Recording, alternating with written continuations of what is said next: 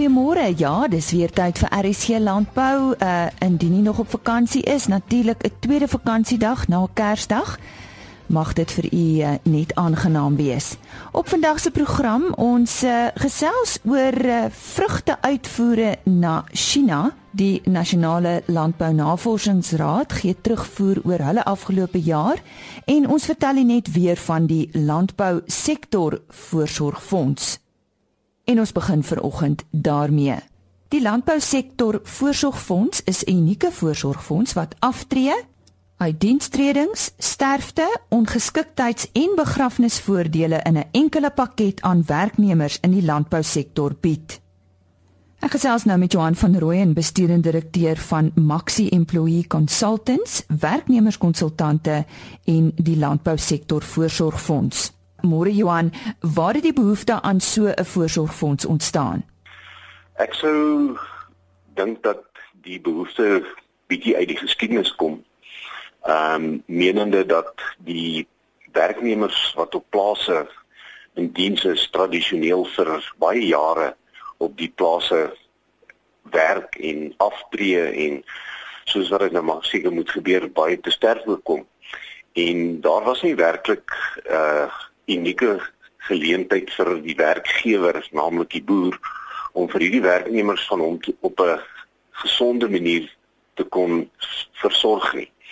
So dit is waar die fonds hy ontstaan gekry het is om te kyk na daardie behoeftes van die werknemer.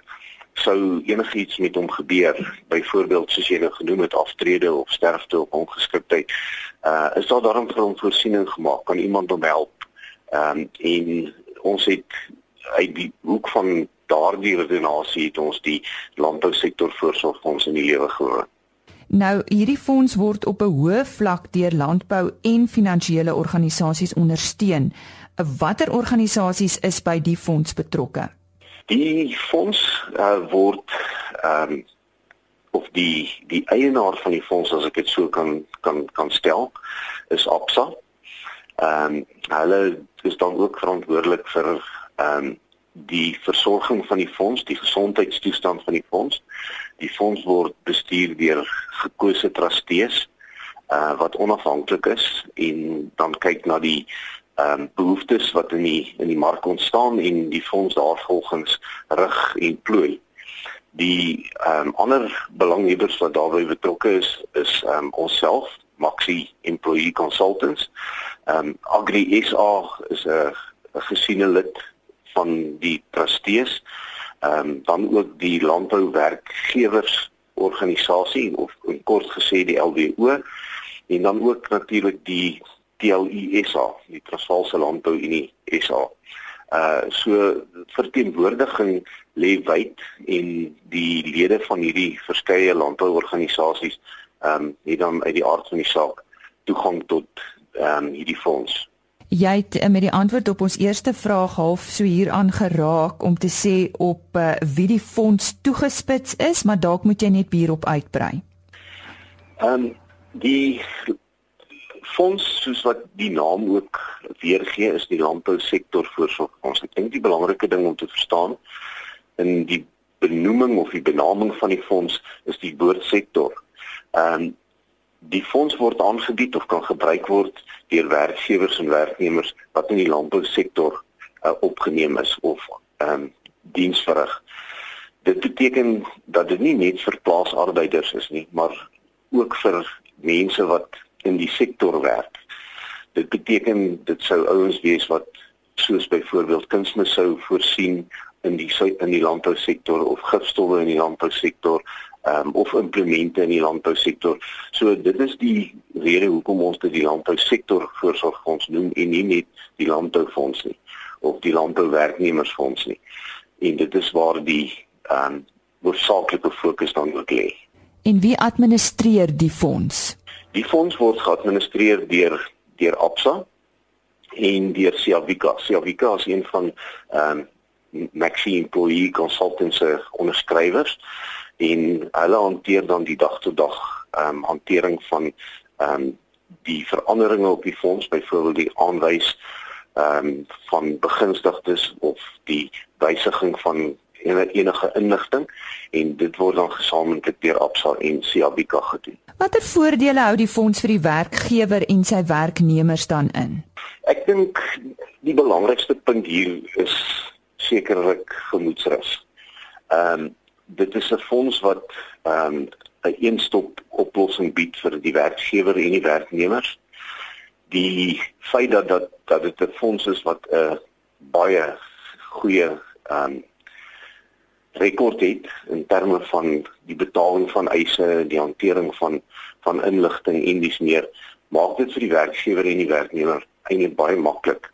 En ons het die elektroniese media bietjie of medium bietjie ingespan hier en ons het 'n 'n webtuiste ontwikkel wat interaktief is wat beteken die boer kan of die werknemer kan dan op enige stadium enige inligting daar bekom vorms kry om in te vul of verwysigings en dis meer.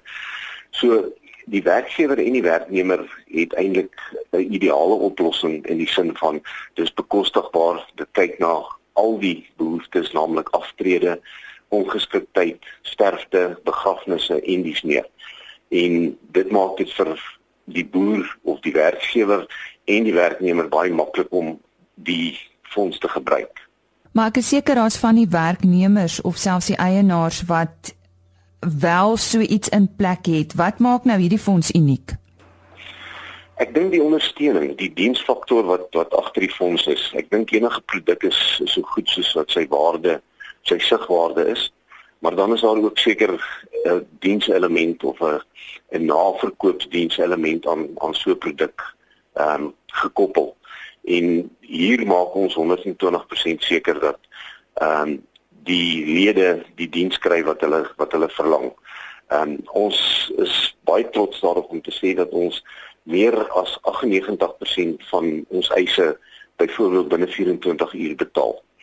Ehm um, dit maak die probleem wat wat opgeduik het, het sy dit 'n sterfte of ongeskiktheid is, ehm um, of selfs aftrede maak dit daai proses baie maklik en eenvoudig en vinnig.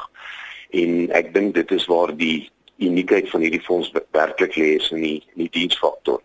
Die die aanbod ehm um, is ook dink ek baie uniek in die sin van dat daar verskillende planne en kategorieë van planne is wat deur die boer gekies kan word saam met sy werknemers om voorsiening te maak vir daai spesifieke behoefte wat hulle het. So dit is nie 'n kwessie van die een produk uh is gemaak pas vir almal nie. Hier is nou die geleentheid waar elke een kan basies 'n plan hê wat vir sy behoeftes voorsien. Waarin lê die waarde dan opgesluit om aan so 'n fonds te behoort, uh, Johan? Ek dink vanuit die boer se oogpunt, ehm um, is daar 'n geweldige hoeveelheid verwagting rakende die sosiale verantwoordbaarheid van van die boer teenoor sy werknemers. Deur van hierdie fonds gebruik te maak, dink ek voldoen die boer 100% aan daai verwagting.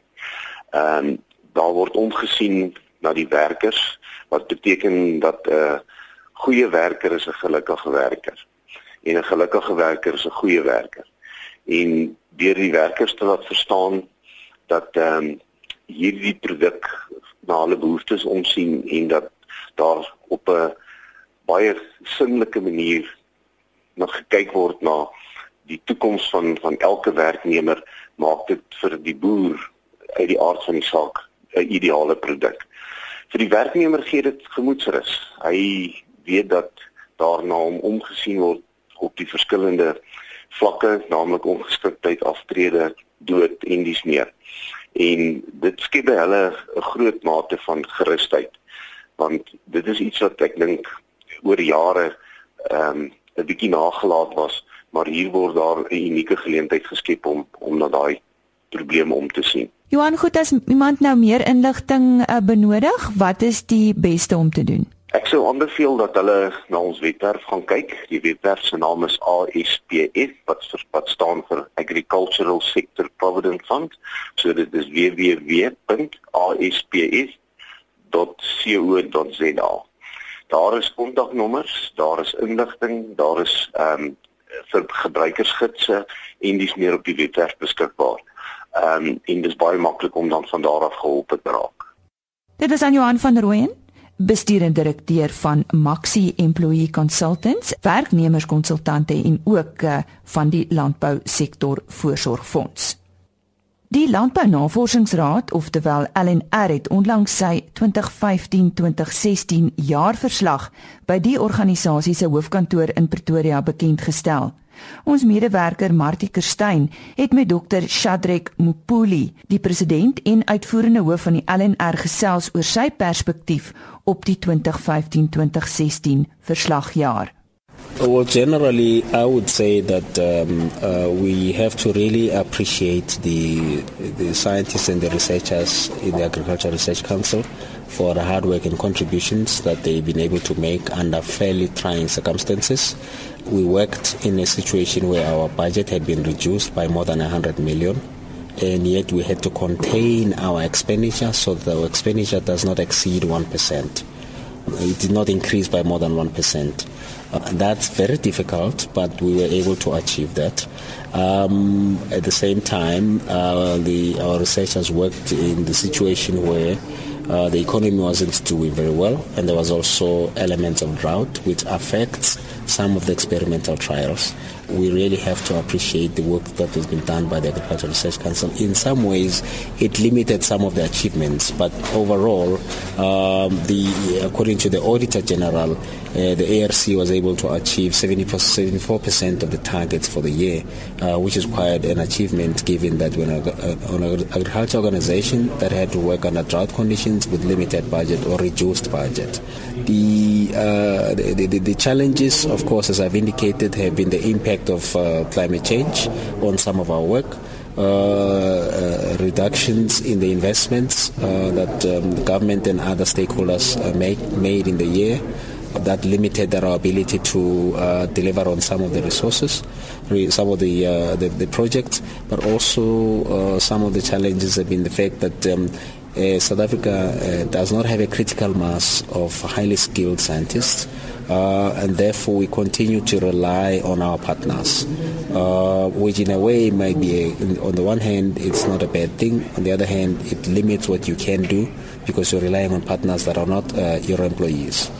Watter mylpale het julle as organisasie bereik gedurende die verslagjaar?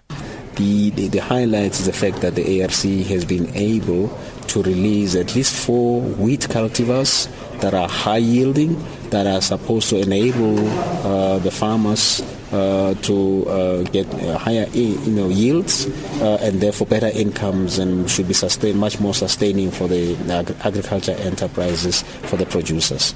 We're hoping that that will enable the wheat industry to be even more profitable going forward. En wat is die situasie ten van die befondsing van landbounavorsingsprojekte?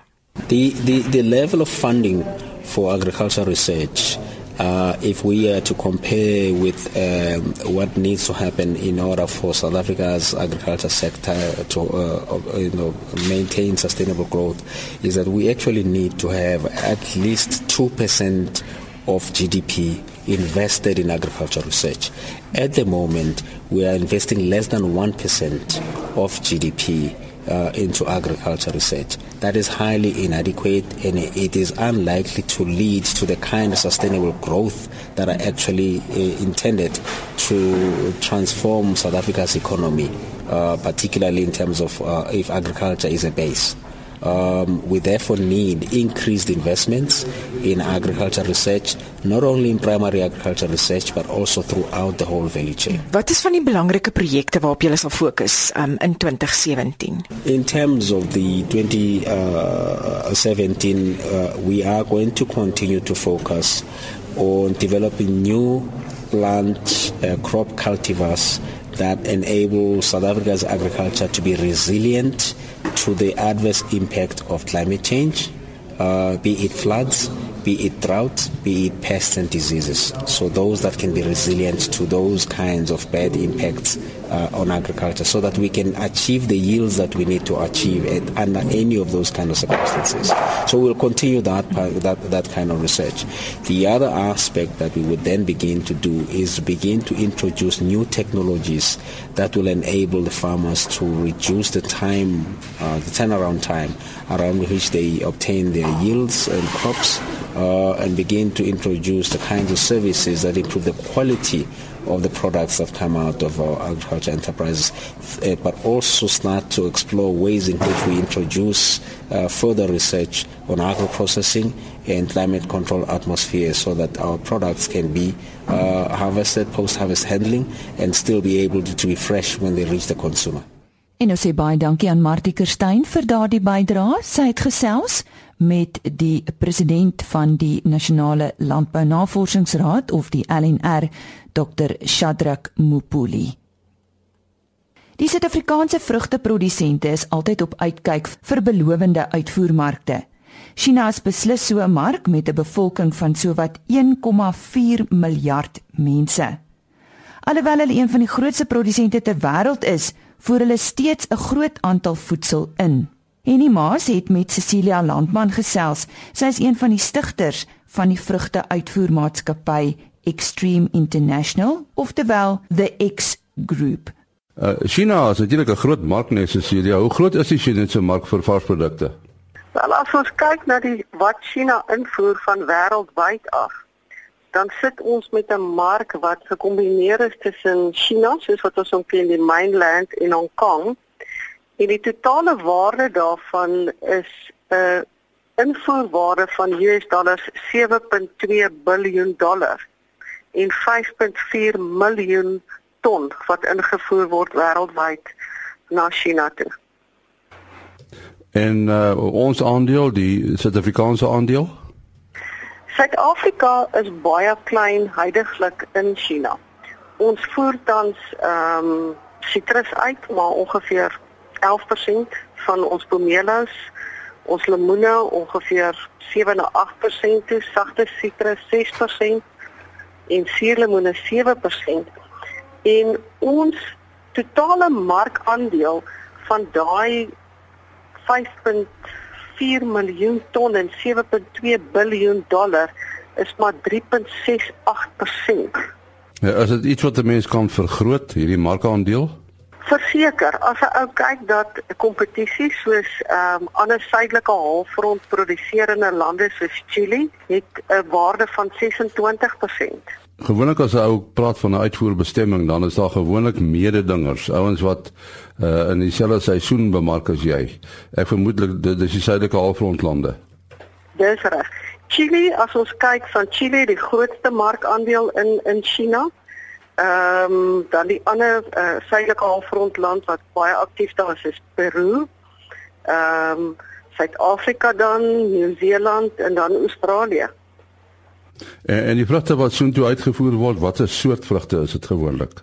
Van van Suid-Afrika se kant af uh, voer ons tans net uh, sitrus uit. Ehm um, al die verskillende variëteite van sitrus, druiwe, ehm um, en appels. Die die volgende twee variëteite of kommoditeite wat gaan oopmaak in die Chinese mark is pere en avokados. Maar tans voer ons nie uit nie. Natuurlik pekanneute val nie onder julle nie, né?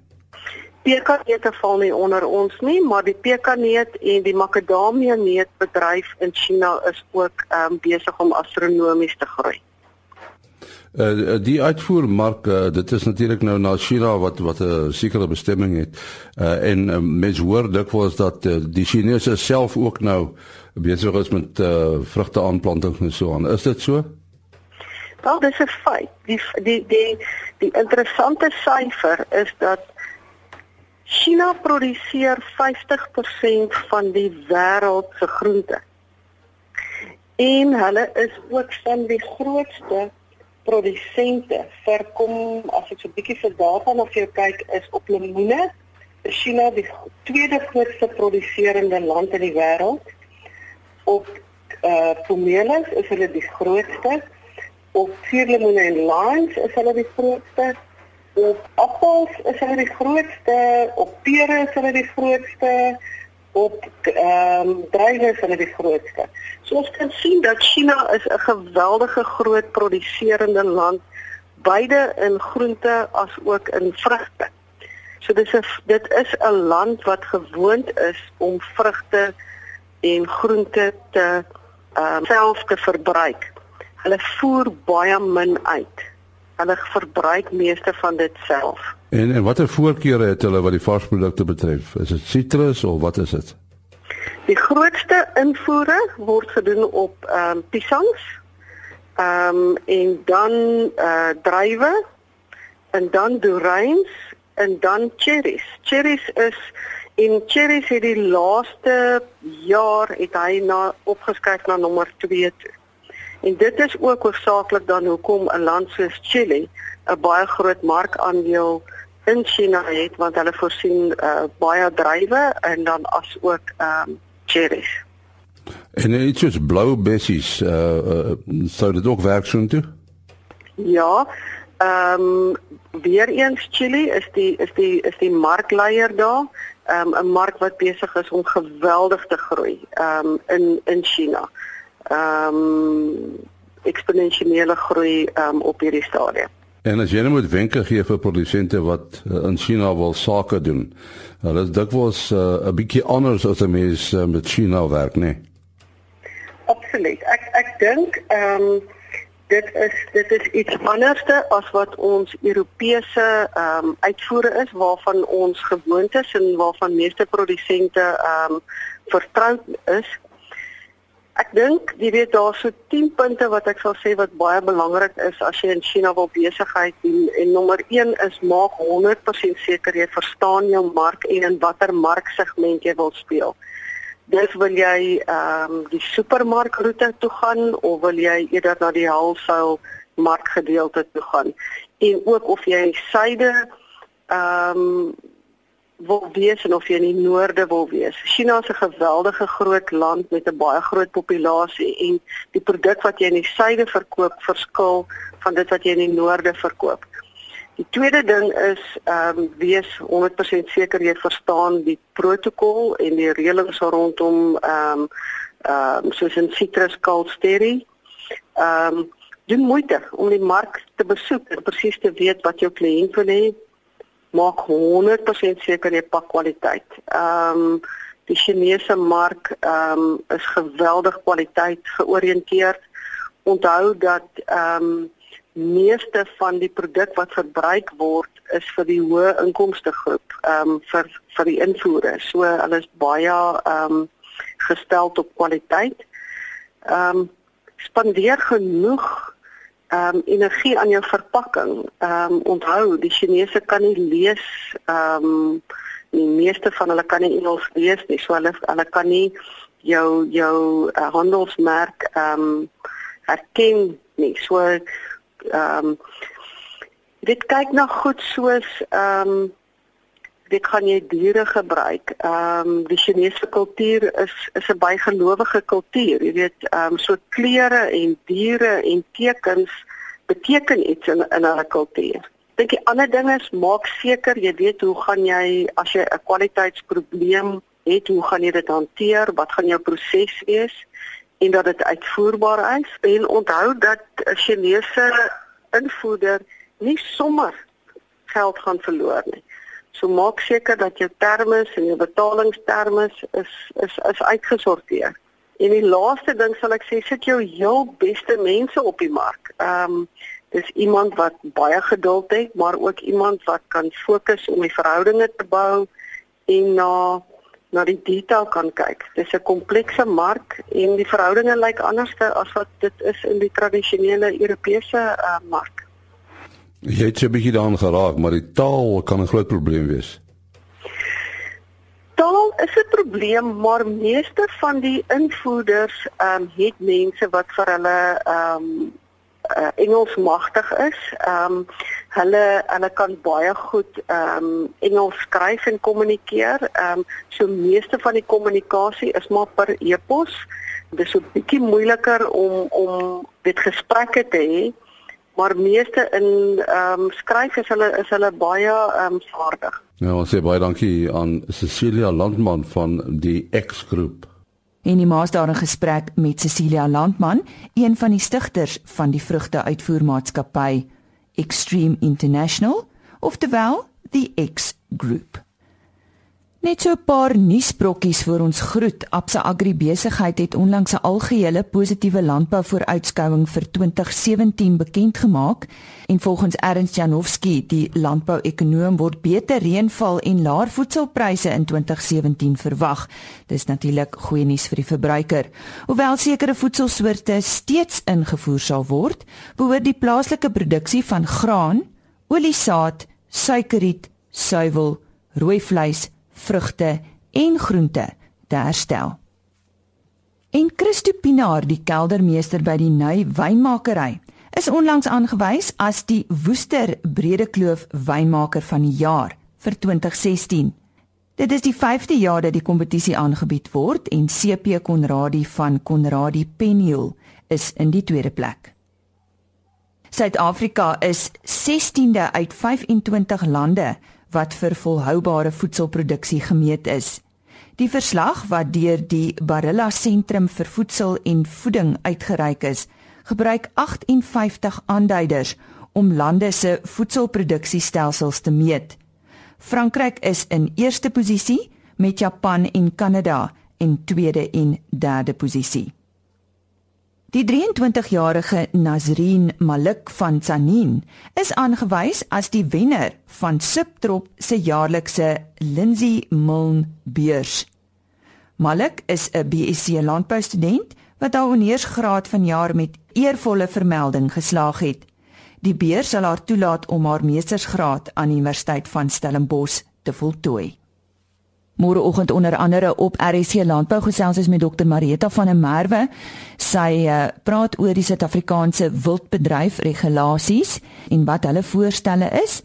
En uh, ja, ons saai weer 'n onderhoud uit wat ons vroeër uitgesaai het met Joshua Du Plessis. Hy is vanjaar aangewys as die Graan SA Syngenta produsent van die jaar. Ons gesels dan weer môreoggend. Totsiens. RSG Landbou is 'n produksie van Blast Publishing. Produksieregisseur Henny Maas. Aanbieding Lisa Roberts. En uitskoördineerder Martie Kerstyn.